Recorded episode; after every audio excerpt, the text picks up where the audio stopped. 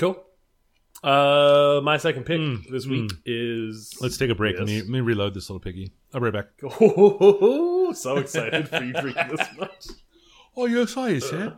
Oh, Oh, Jimmy, wait, sir. Oh, oi, I'll have we little more. lads gonna go downstairs, Gilby, eh? It ain't no easy thing to do, but watch this.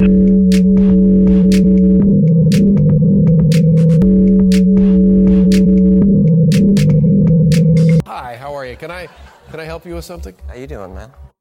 This is the Safe as Milk podcast, where Ab and I get together twice a month to use bad words to talk about things we like. So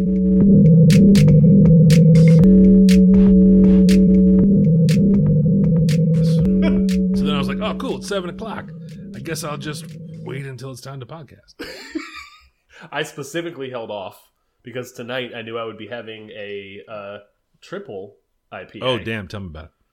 And they sit uh, at 10%. And this is from Equilibrium uh, out of New York, uh, New York State. Uh, they're not, I think they're Middletown. Yeah, Middletown, New York. Uh, Equilibrium and Arcane out of Tampa collab. Uh, and this is a this is for every action there is a reaction. It is a it's a triple IPA that tastes delicious. It's not overly boozy, which occasionally you'll get a tripa that's Yeah. it's just too much. Yeah, yeah. And this this is not it. It's not it. How about you? I'm having a pink Jimmy. I've talked about it on the podcast before. It's a great name. Um, it really is just uh, vodka and cranberry with a little bit of lime. Um, they're pink because there's the it's much more vodka than cranberry. Uh, Yeah. Only now, uh, when we have them around the house, uh, Ocean Spray makes a sparkling cranberry. Ooh, I like Yeah, that. so there's a little fizz to it, which is nice because sometimes a straight cranberry, as we've discussed, I think, the, can be a bit a bit much, a little overpowering, a little a little little bite. A little little heavy. But Can't do that. Can't do that at all. oi, it's a bit tasty. I found it. I found it quite refreshing. Oh, jeez. Mike, before we start the show, folks should know that we have a Twitter at, at underscore safe as milk. We have a Instagram at, at safe as milk podcast. And for this show and many more, uh, fireside.fm, safe as milk.fireside.fm. That's where the show notes can be. Fuck! It is where the show notes can be it. fucked. You're I right. had it. You're right. You're right. I was, I was, I was twisting in the air. I was flaring, and I was gonna come stick the landing. And I fucking snapped my knee. In there. Oh, you you stuck it. Show notes can be found at safe. Oh, don't bother trying to say it right. FM. You know which one's going to end show up. is one thirty four. Mike, tell me about your fall. my my follow up this week is uh, coronavirus uh, t-shirts. Like so many people uh, who patronize small businesses uh, that live in towns that are uh, lucky enough to have them, um, all those places are closed. And there was a big push early on uh, to sort of i- infuse them with cash to keep them afloat to buy gift cards. Um, and that we, we didn't really do that too terribly much here at our house. Um, and then the second wave of sort of money raising ventures that a handful of our uh, favorite local spots came up with was printing uh, t-shirts basically to raise just to raise money um, to try to stay open through all of the sort of uh, governmentally mandated close downs. So um, took a long time, you know, a couple three weeks from the start of the please buy a t-shirt uh, emails to the actual delivery of the t-shirts, but I've gotten a couple of them this week, and uh, uh, it's a it's a nice reminder of uh, the sort of small businesses that uh, uh, we like and enjoy so much, and want to see come out of the other side of this thing. And um, you know, down the line, Anything you want? To, anything you want to plug for the for the local folks that listen? no, because I didn't buy them all, and I would hate to say that I picked one over another one. Um, but you know, I, I pop for a couple, and it's um, you know, places I know and love, and um, um, You like a T-shirt? I'm not mad at a T-shirt. I'm not mad at a T-shirt. Yeah, and that's I don't have any other follow up this week. Okay. Um, I don't go quick. Uh, I have the Adventure Zone, which is a podcast. I think I talked about in the first episode ever of this show. Is that true? podcast podcast about a podcast. I dug up old notes um, from episode 001. Golly, Uh, yeah, if you can imagine, 2014 I believe so. is when they started their podcast, and we started ours just shortly after. Wow. Um, the Adventure Zone graduation uh, is the newest chapter. I took a break from the show. They've done a bunch of different story arcs and stuff. But I've come back for this most recent one, and they're putting out new episodes right now, and they're uh, it's getting real good.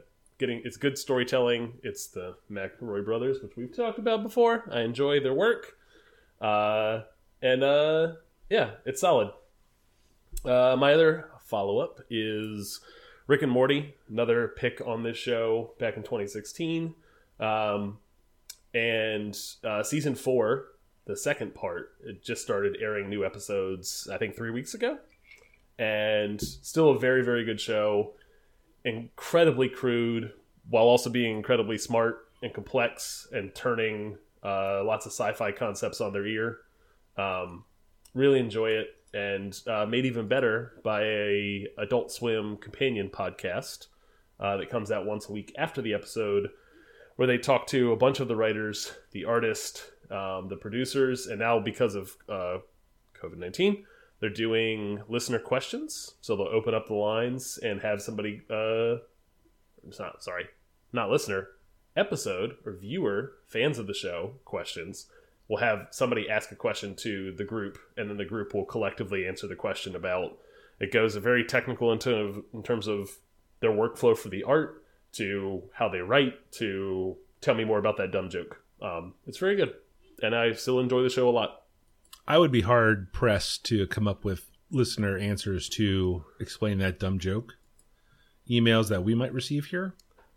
Uh, this is more of like explain the origin of that dumb bit that you did because a lot of it is referential to um uh, or multi layers deep of, Oh, no, that's like, what I mean. old, old sci-fi Yeah, yeah yeah. I mean, it Okay. would be it would be tough sometimes to.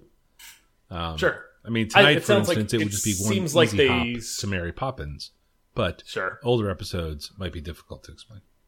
i'm imagining it's not live so it's a recorded podcast. I'm imagining they screen out the bad questions or have people preemptively say what's your question going to be? And then they let them on the air. Um, so it's not like they're dealing with just complete wildcard questions. So i'm sure they're only teeing up the ones that they have good answers to but otherwise it's solid the show the podcast's solid and the show's uh, still very good four seasons in and comes out man their release schedule is incredibly slow the production time is incredibly long um, i think they started in 2013 and now season four is happening in 2020 Yeah. I I stopped mid season one. yeah that's fair Yeah, it's not for everybody No, no, no. It was fun. I just, yeah, you know, you can do. Um, do you want to go first? Sure, I'll jump in. Uh, this is a topic we have both talked about previously. This is Michael, the Michael Jordan documentary, The Last Dance. Um, I know you have thoughts on this. I have thoughts on this as well. I wanted to save them up until I had finished watching the whole docuseries. The last two episodes most recently aired. Um, the for folks that might not know, this is essentially uh, a Michael Jordan documentary that was shot in 1998 and then they got permission to shoot Michael Jordan's final season with the Bulls, um, and uh, never did anything with the footage. Apparently, there was a lot of uh, Michael Jordan had to sign off on whatever's going to happen to it, um, and no one could ever get that to happen. Uh, so, come jump forward many many years later into the late 2010s and uh, director essentially from ESPN made a pitch to Michael Jordan about what his thoughts were around the process. The same director who did the 30 for 30 on Allen Iverson. And apparently that was a big selling point for Michael Jordan is that he really liked that documentary. Really liked Allen Iverson. Did you see the And, uh, thirty for thirty on Allen Iverson? I have not. I need to. This I is- didn't this either. I didn't realize there was one. me. Yeah. Yeah, so I listened to a before this The Last Dance came out, uh, they had the director of this documentary on The Ringer for an interview and he talked about how he finally landed the this Michael Jordan documentary that no one had ever made or no one had ever done anything with this footage from the final season because they kind of gave full like all access to the to the team and specifically Michael Jordan in 98. Yeah, and because it was so. Oh, keep going. Sorry. No, that's uh that, that's kind of it. Oh yeah, And- but because and- it, so much time had passed from then to today, there was an opportunity for the producers of the documentary to do much deeper in uh, uh, with the advantage of retrospection, deeper interviews with a lot of the main players, uh, the main characters, I guess. I think they started production on this thing in like 2016, knowing they had the old footage, but yeah, they could go and talk to Phil Jackson and Dennis Rodman and um, Scottie Pippen and obviously Jordan um, between 2016 and 2020 when this thing came out. Um, this thing was uh, brought out earlier than had been planned because of COVID 19, and there's no live sports, so ESPN had to have a thing to show. Um, and it's been nice watching it as a substitute for sports. Well, the first I heard of it was LeBron James saying, you know, don't wait till because it was supposed to be after the season, right? When was it supposed to be? It was supposed to be in the fall. I think so. Yeah. Yeah. it was supposed to be this year. It just they they ramped it up whenever sports Yeah, stopped. yeah. Um, it is. It's very interesting. It's very entertaining. It is not anything that it turns out. Um, I thought I didn't know as much as I thought I knew about the story. Turns out I knew most about most of this stuff. I knew most of the things that happened in this documentary. So my expectation going in was like, oh, I was three years old when Michael Jordan started in the league. Um, and I was 16 when he retired from the Bulls, which might as well be his final retirement because the thing with the Wizards is weird. Um, Yeah, I wouldn't say he wasn't relevant at that point, but he wasn't. It wasn't the the peak of his his talent. Um, but I was expecting to like learn more, and I learned some new stuff. But like it was kind of like, oh, I already knew the story, and I don't know if that's a mix of Michael Jordan had to approve everything that happened in this thing, so it's a little bit uh, of his bias like laid over top of this thing, um, or if that's just how the story went down, or probably it's somewhere in between.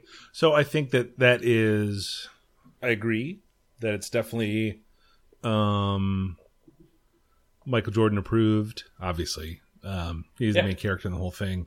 Uh, but unlike the Dr. Dre Yes, beats we thing, talked about that one yes, Yeah. unlike that, it's not like a fawning, you know, hand job to the genius of Michael Jordan. It's like this guy is exactly kind of the asshole you thought he was, but boy, he's really good at basketball and winning games because that's super important to him, to the exclusion of apparently literally everything.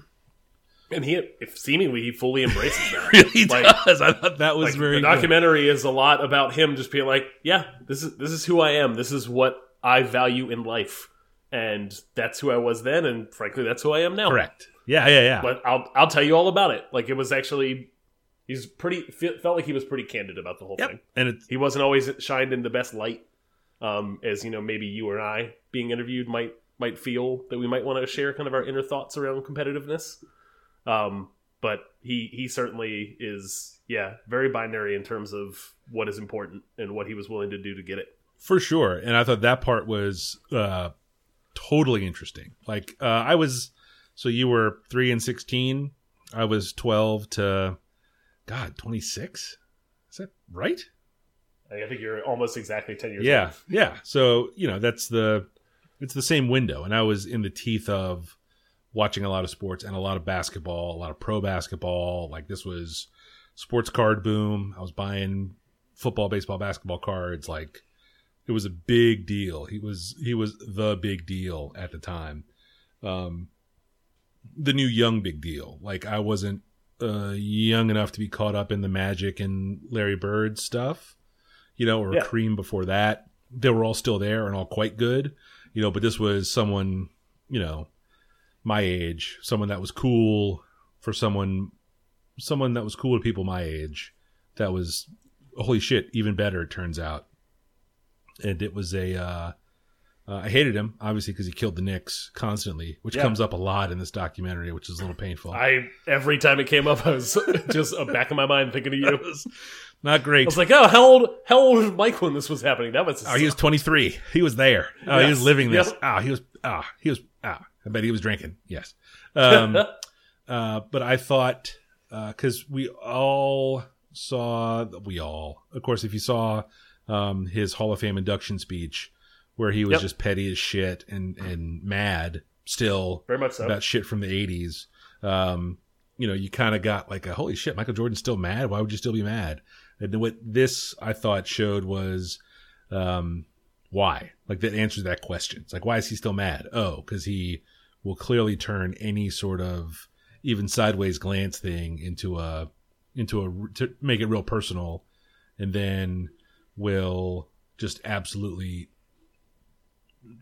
murder you about it. Like it's fucked up. Seems like he held on to like not seems like he held on to like what he deemed a slight in his direction from like three years prior from a from an individual who might have made like one comment to him or you and I might have interpreted as like oh that guy's just joking around into like I'm gonna crush this guy I'm gonna rip out his heart I'm gonna stomp on it Yes. and I'm gonna beat him in this playoff Yes. game and that's all I need Yes. to to drive and motivate me that's my fuel Yes. And not just opposing players all the time, but people on his team that he felt were not trying hard enough in practice. Like really, I you know, I thought it was I thought it was really interesting to hear not just stories about it, but hear Michael Jordan say it and then hear the people that he practiced with that he was dicks with or two say yes, he was a real dick in practice because he didn't think we were trying hard enough. Like I thought this was Yeah. a this was it was I thought it was a great series. I thought it was really well done. Um, Michael Jordan is the main character, so he's like, this is just you know one of these like this is just what I am. Sort of throw my hands up, you know, so be it. And that's not good, but it's still awesome. So Very much Yeah. so. Uh, I, I was highly entertained by this thing the whole entire time. I looked forward. They aired two episodes at a time, and now it's getting ready to come to Netflix. Um, Oh, it was a. Netflix and ESPN collab, so this thing will live on in perpetuity Yeah. once it hits Netflix. yeah, Um, this will be one of those things. I- There's something in there that someone will get mad about in six months or a year.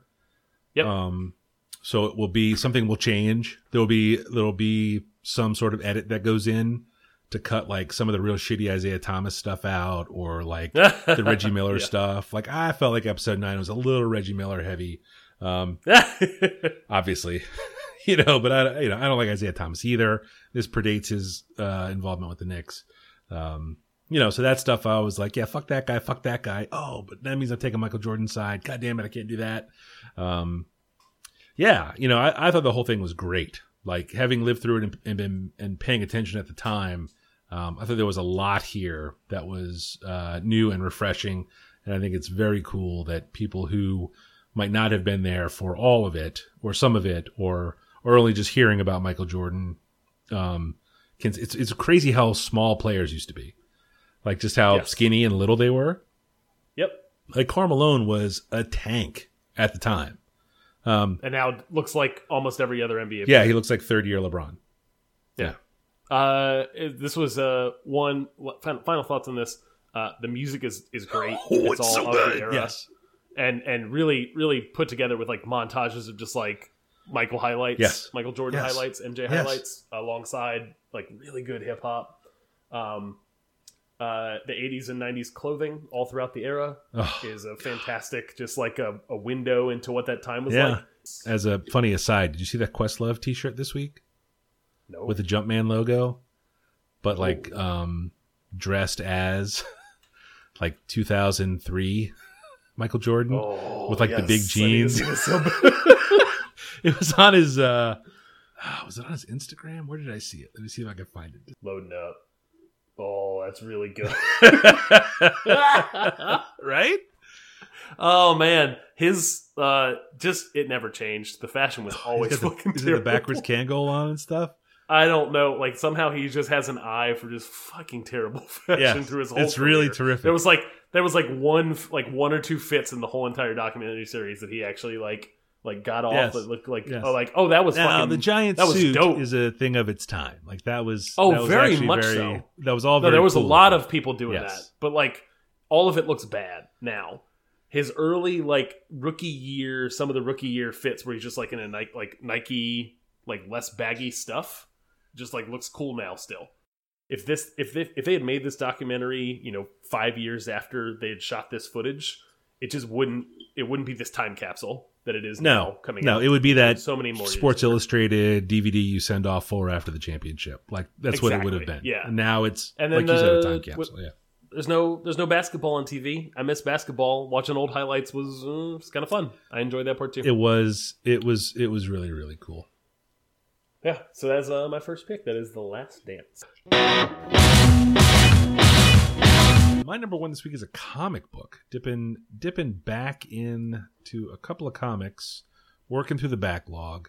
Um, this uh, is Cankor, C A N K O R, by Matthew Allison. uh, published by Ad House Books, uh, just out in March. Uh, uh, you know, so kind of March ish uh, with the um, coronavirus and the havoc it wrecked with shipping and uh, scheduling for all media, uh, comics included. Uh, I picked this up a week or two ago at my local comic shop. Uh, it is a, a 112 uh, page um, single issue, I think. Um, it starts as a as a guy getting in a fight at a rock club, and then uh, gets punched in the face, and it turns into this really weird and just kind of far out story question mark about um uh boy really hard to say what it might be about it's uh it's it's confusing and sprawling and Are you trying to be like obtuse because you don't want to spoil things, or just it is a like just a kind of out there story? Uh, it is a very much out there story. Yeah, yeah, it's legitimately out there. Um, there's definitely a part where a guy gets punched in the face, and there are definitely some uh, one-page homage uh, story elements to '90s era sort of indie comics, and the rest of it is this supernatural science fiction kind of scenario. Like it makes a little more sense while you're into it. So I you you linked this you linked to like the the very brief. It was like a paragraph Yeah. that describes this thing. Yeah. And then I went and dug I went and dug through like a Google image search to like get some panels to like kind of see the art. Yeah. Um the the description here, like this one little blurb of it, it sets off a cherry bomb of psychedelic mayhem, a candy colored nightmare of tangled wires, bubbling flesh, and the towering corpses of superhumans. I was like, I don't know what the hell this thing is. it sounds fascinating, and and the art looks really cool. Yes, it looks uh, unbelievable.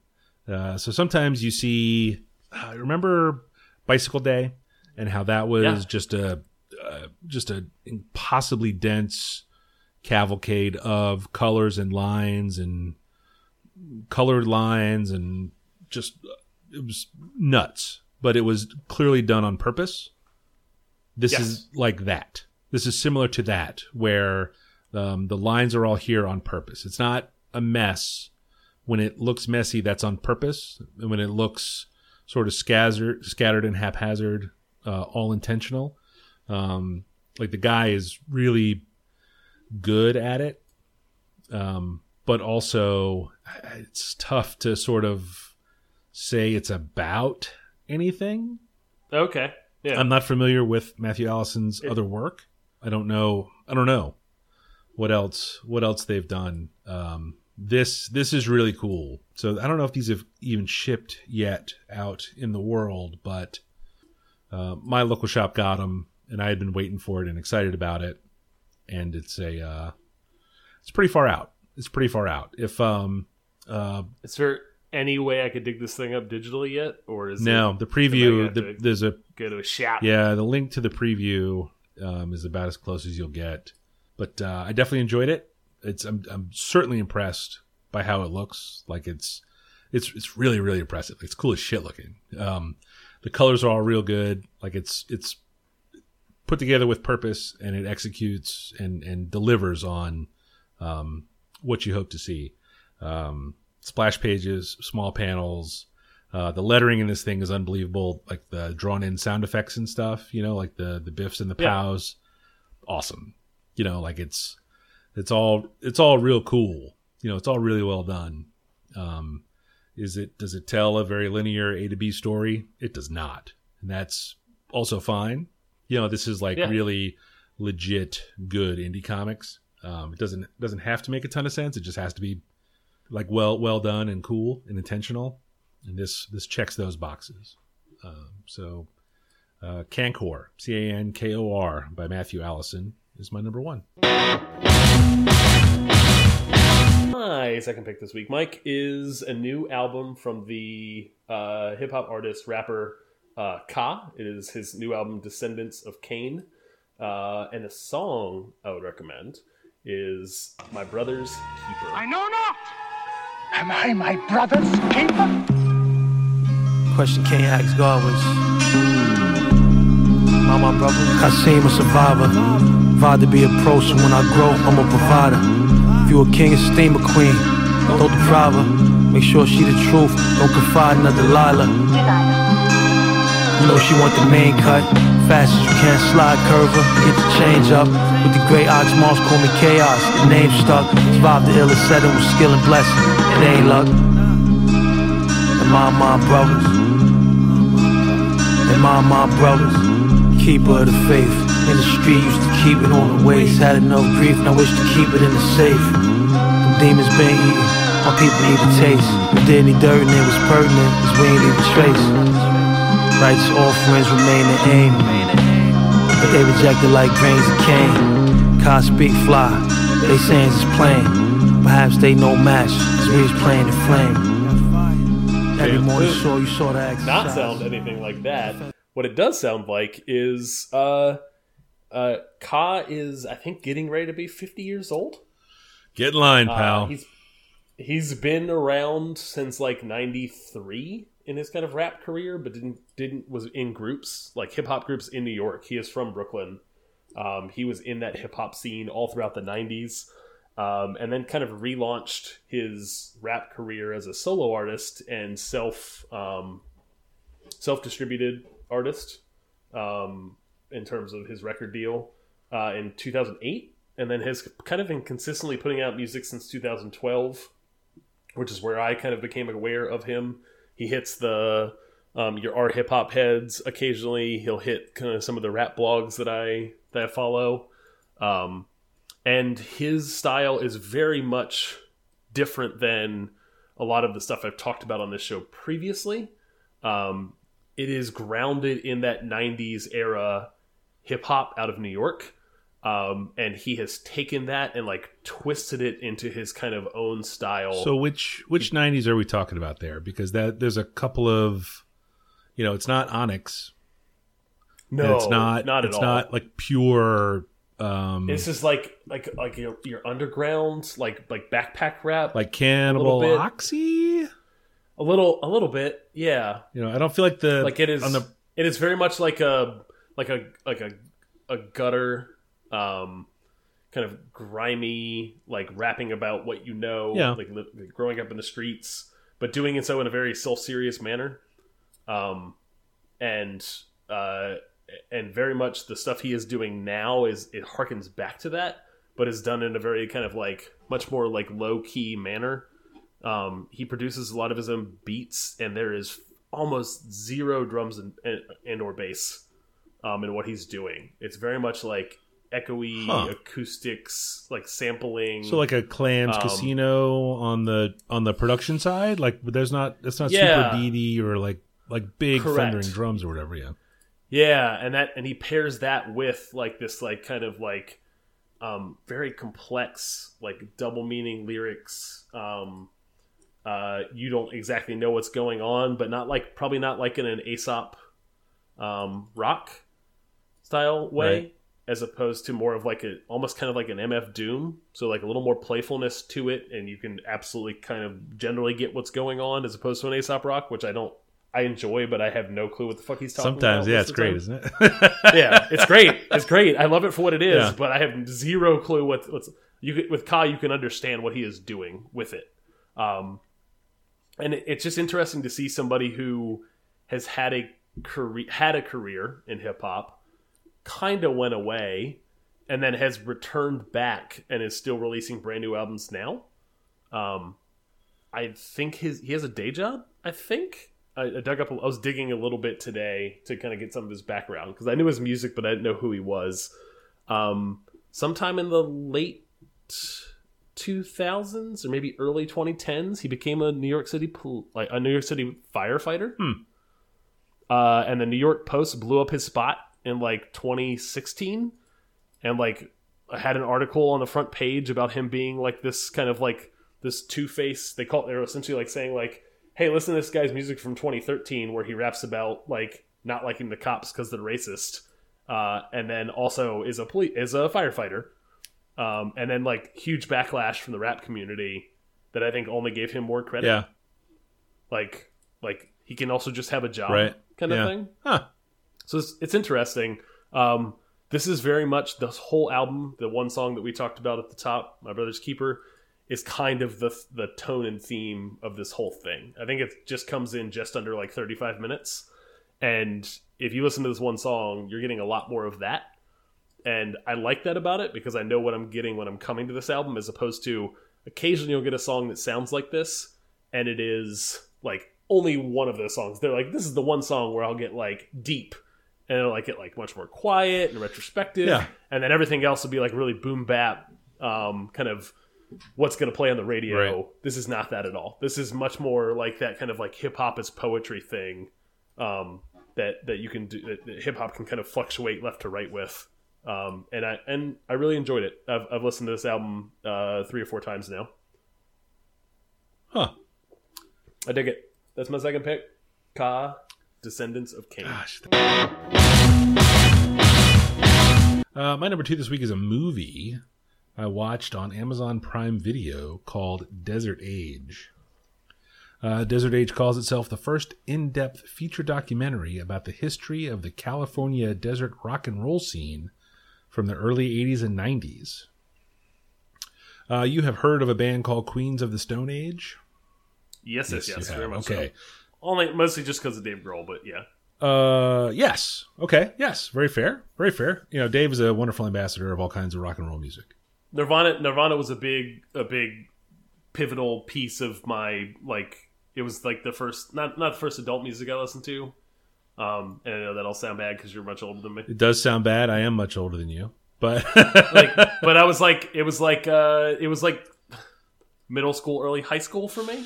uh, okay. Which is when you have a ton of time Yes. to like get invested in bands and care way too much about what a band is Mhm. doing, um, and then un- like following what Dave Grohl was going to do after Nirvana was Yeah. concluded, um, was was very much like on my radar. He played, um, I think, just on that one Queens of the Stone Age record. Was it just the one of them? I think. I'm not 100. percent I'm not really big on knowing all the people that were in the bands when they made the album. But that's kind of like that when they peaked in like not not peaked as a band, but like peaked in like pop culture. Like he goes to that band and, and plays on that album, and uh, they a lot of people knew who that band was at that point, and not for good reason. Like the band was the band, the music they make is great. Yes, yes. He, he they became very very popular because Dave Grohl all of a sudden was playing drums on the record. Yes, without question. Um, uh, they uh, the the idea is uh, Palm Springs, which is out in the desert in California, was a sort of uh, rich Hollywood tourist destination, right? Like rich people from Hollywood would go out to the desert Yeah, um, and just swim in the pools and stuff. be incredibly hot. Uh, super hot, super super duper duper hot, hot, hot. Um, uh, this movie is from 2016, so it's a I guess- I guess at this point a couple years old. Um, but they interview um, a lot of the people that were there in the music scene that grew out of the desert, and then a couple of people that are uh, sort of came after that, after it sort of blew up, which is um, where Dave Grohl gets interviewed in there a fair amount. Um, the idea is uh, here was this town that got put there for people, and then two generations later, those kids were uh, super bored and had really nothing really to do. Like if you didn't work at the hotel or in one of the restaurants, there was really just nothing. There weren't factories, there weren't colleges. It was really just a pure resort place. So, uh, uh, also because it was in the California desert, there were a lot of biker gangs there cooking methamphetamine. So uh, there was a it was a desire to to kill time. It's a wrench. Well, it's a it's a uh, as it turns out a very important uh, component of the music that was made there uh, was the sort of rampant drug use. Turns out, um, Yeah, uh, a lot of mushrooms, uh, a lot of LSD, a lot of biker biker related and biker adjacent drugs, um, heroin for a while.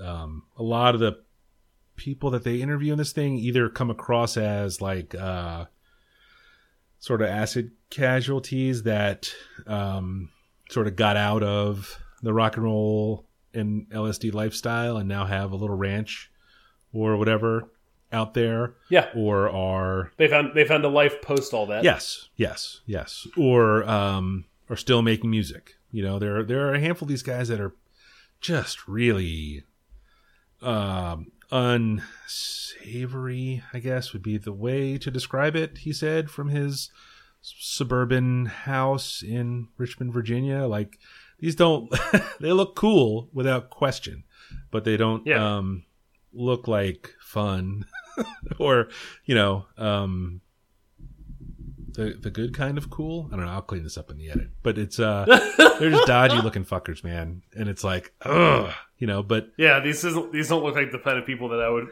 like. I don't know, make small talk with at a no, but they, it wasn't small I would talk. just It wasn't anything, turn- right? Like it's turn around, turn around to my turn around to my beer. yes, yes, yes. Um, but uh, they really do a nice job of talking about how they would. Um, uh, the idea of the generator party, where there was a guy who had a generator and they would drive it off into the desert, and it's just like a basement party is here, you know, in Richmond, right? Like there's a there is a place where a band A can field play party out in a Goochland. field party out in Goochland, exactly that. Um, but this was in the desert, right? So it's like when you're um, uh, one of the guys makes a you know he's talking about like you know the music we were playing was different than what was around at the time. It was just before grunge broke, you know. So it's it's like you know when you're sitting there, you know, you're standing there, you're pretty drunk, you're kind of high, and there's uh, the Milky Way is overhead, and you're and you're looking up and you're you're playing your guitar. Like, what are you gonna like? What are the sounds you're gonna make? Like, are they gonna be two minute punk rock songs? They're they're not. You know, they're gonna be like, I am the smallest thing in the world. You know, and it's just it's kind of Yeah. neat the way they talk about uh, how the environment, like the literal physical environment, um, uh, played a role in shaping the sound of the bands.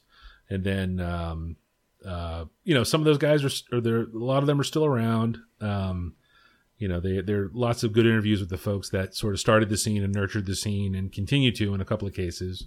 Um, and then the, the one big group that broke out was the Queens of the Stone Age. Um, they were, uh, a couple of young kids in this band called Kyuss that played sort of in the desert. And then uh, they moved to LA and recorded an album. And then one of the guys just couldn't handle it and kind of broke down a little bit and got replaced by, you know, just another guy from the desert. And then they got a call from Metallica to go on tour.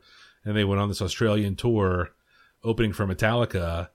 You know, six months ago, they were, you know, just uh, those those guys that you knew from high school that we all drove out to the desert to listen to, and then they were playing for these giant arenas with Metallica in like 1992 or whatever. You know, like like yeah, crazy, crazy that that was a thing that could happen to someone, and then that it would happen to these, you know, just really nowheresburg kids, um, and and how they reacted to that and adjusted to that and uh, ran toward it, shied away from it. You know, like like uh, neat stories about those folks.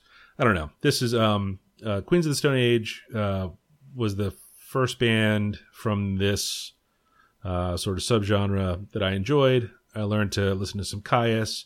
Uh, a lot of that those early bands that are featured in this movie don't have a ton of available streaming material, say on a Spotify. So I'm going to have to do some deeper digging to to come up with those. I'm sure they're on YouTube somewhere. I haven't found them yet, but yeah. So I I I asked you when I saw this on the list. Uh, I know Queens of the Stone Age, and that's about where it ended for me. So I asked you for kind of like what what else should I listen to, and you mentioned Kyuss. I listened to uh, a but a fair amount of their music today. I really really enjoy it. Like it's the kind of thing that I will keep my back pocket when we've discussed this plenty of times. I mostly listen to Yeah. hip hop, but occasionally I want to dip into other genres, and this is the kind of thing that I love having uh, available. Yes. So um, I, I appreciate the recommendation. Probably not gonna watch this movie. Uh, Um, no, no, no. I mean, if you are someone Yeah. who has, um, uh, this, uh, uh, uh, two things. One, uh, there's a band called Eagles of Death Metal that didn't really start making music until the 2000s. Um, their 2004 album, Peace, Love, and Death Metal, Peace, Love, Death Metal, um, is lights out great. The songs are all real. They're all just, they're all just real good, up tempo, good, good, like really good rock and roll songs. Wanted to say that. Number two, um, if you are a fan of this kind of music, this is a good documentary to watch. And where did you? Uh, I did you mention where where folks could Uh, watch this Amazon Prime wanted to catch Video. Um, yeah, a surprisingly deep pool of music documentaries. I would watch this if it was called Desert Age and it was about some British guy who made this. Honest to God, there may be one in there. You know, um, it's uh, honestly, I don't, I don't really consider it a streaming service because it's always just been bolted on to the Amazon Prime shipping thing.